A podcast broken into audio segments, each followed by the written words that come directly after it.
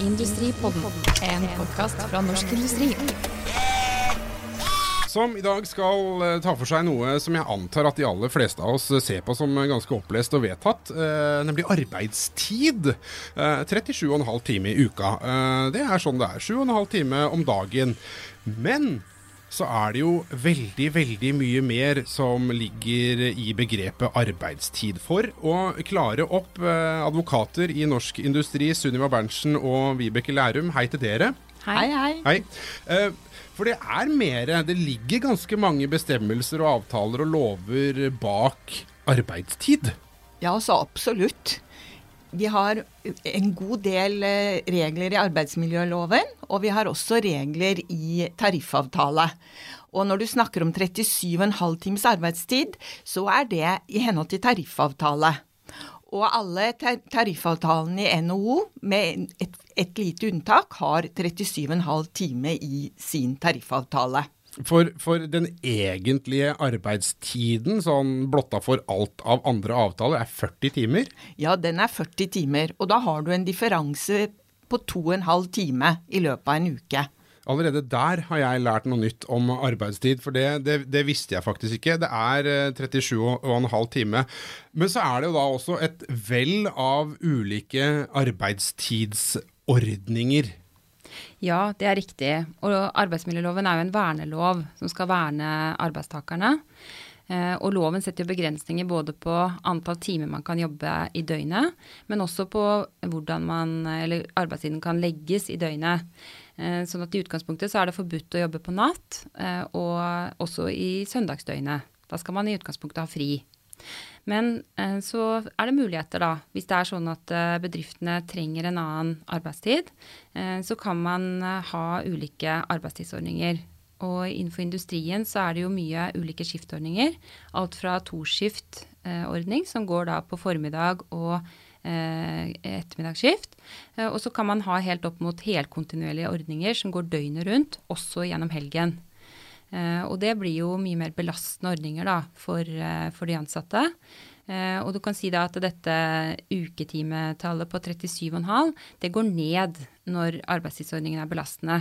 Sånn at disse helkontinuerlige ordningene hvor man jobber døgnet rundt, også i helgen, der har man uketimetall ned til 33,6 timer i Mm. snitt per uke. Men, men må man da Altså Søker man da du, du sa at det var ulovlig å jobbe på natta, og det er ulovlig å jobbe på søndager. Men søker man om dispensasjon da? Er det det man gjør?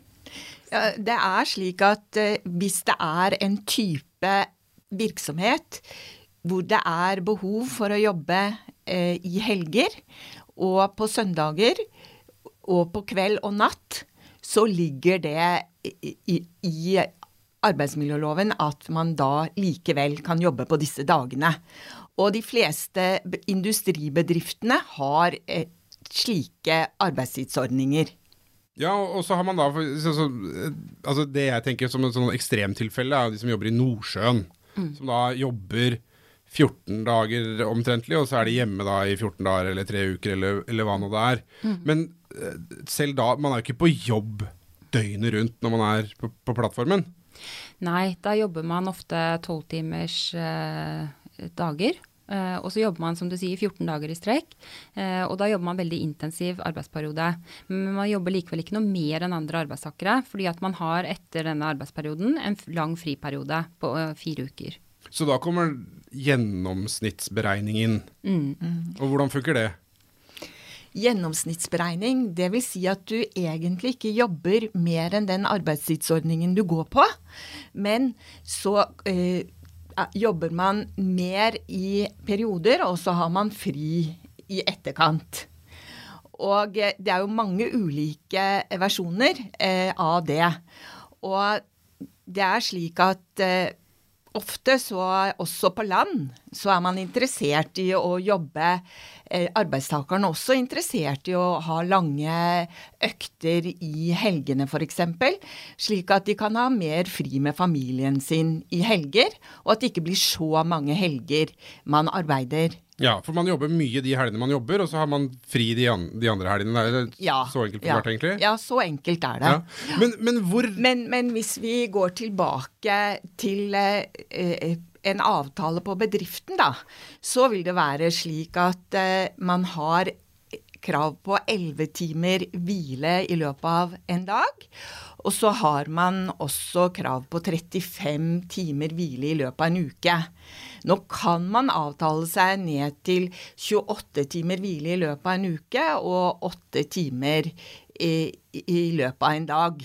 Men det mest vanlige er at man følger dette at man skal ha I løpet av syv dager så skal man ha 35 timer fri, og så skal man da ikke jobbe mer enn eh, slik at man får eh, elleve timer fri.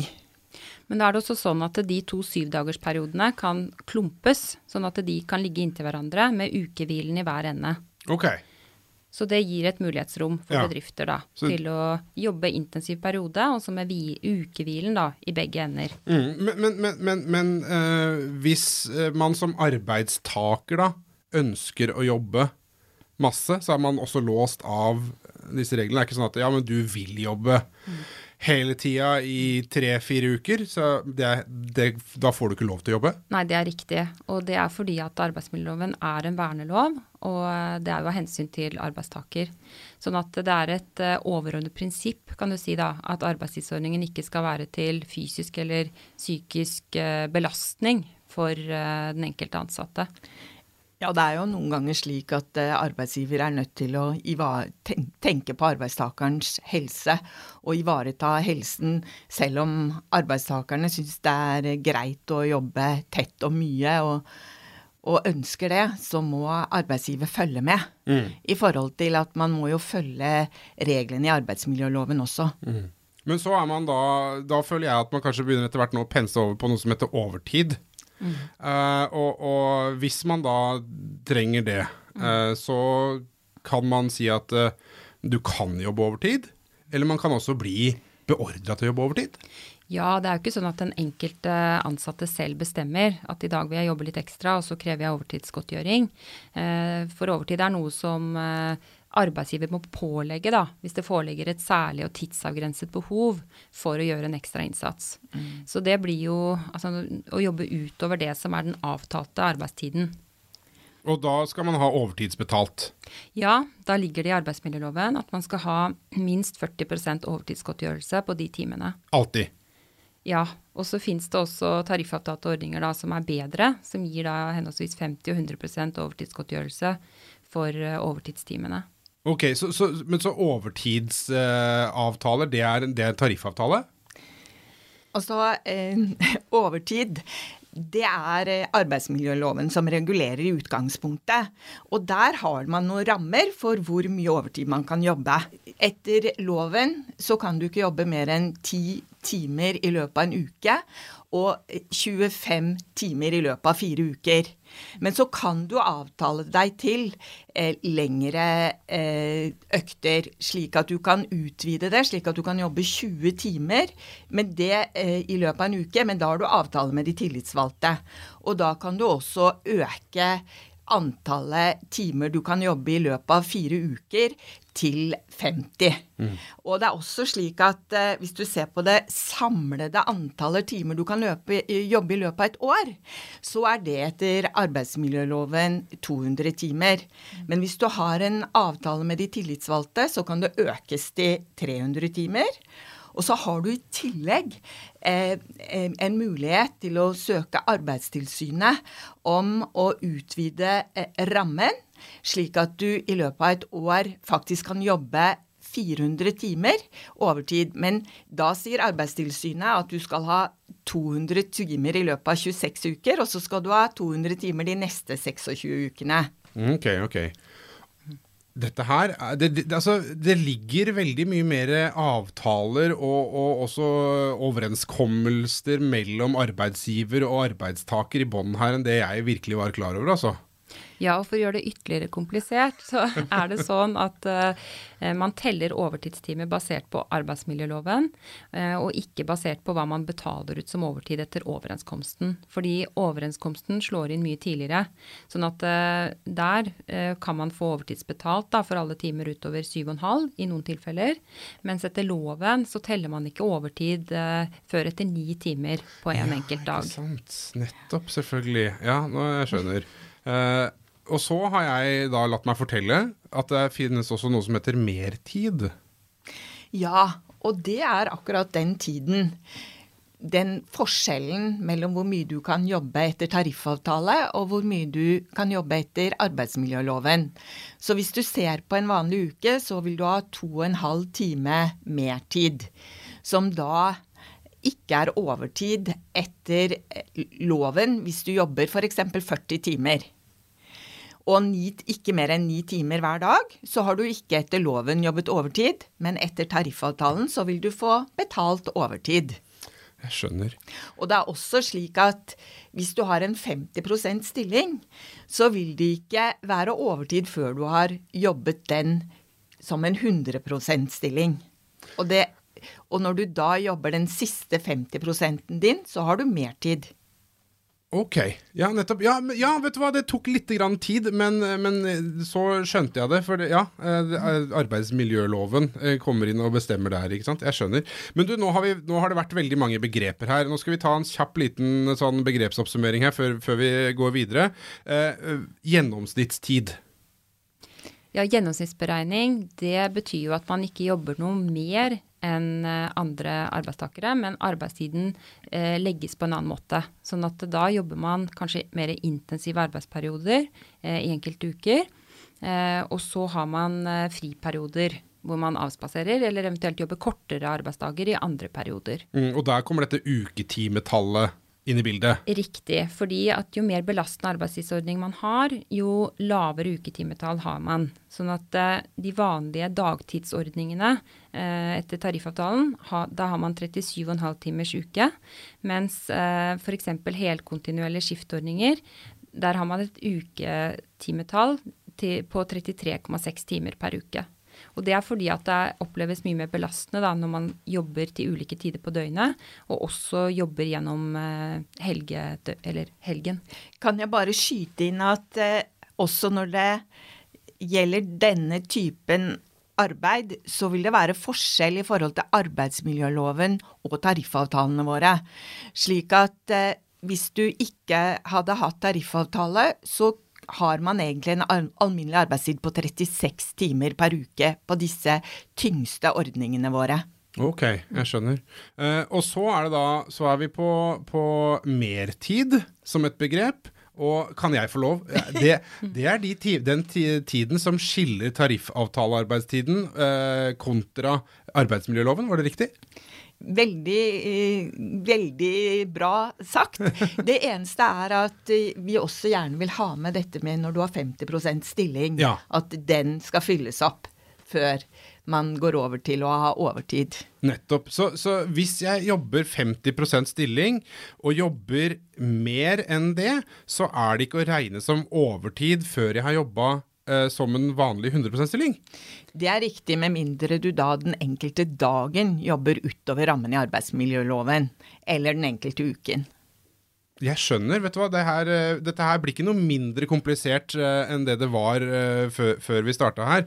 Og så, da. Uh, fleksitid, det har vi ikke vært innom, men det må vi også snakke litt om. For i det moderne arbeidsliv så er fleksitid uh, en ganske sentralt begrep. Ja, og det er jo ordninger som innføres av, eh, til fordel for de ansatte. Uh, og det innebærer jo da at uh, man f.eks. setter en uh, kjernetid i bedriften, at man må være på jobb mellom ni og tre, men at man selv har en fleksibilitet, da, f.eks. til å komme klokken syv og gå klokka tre, eller om man ønsker å starte klokka ni og jobbe til klokka fem.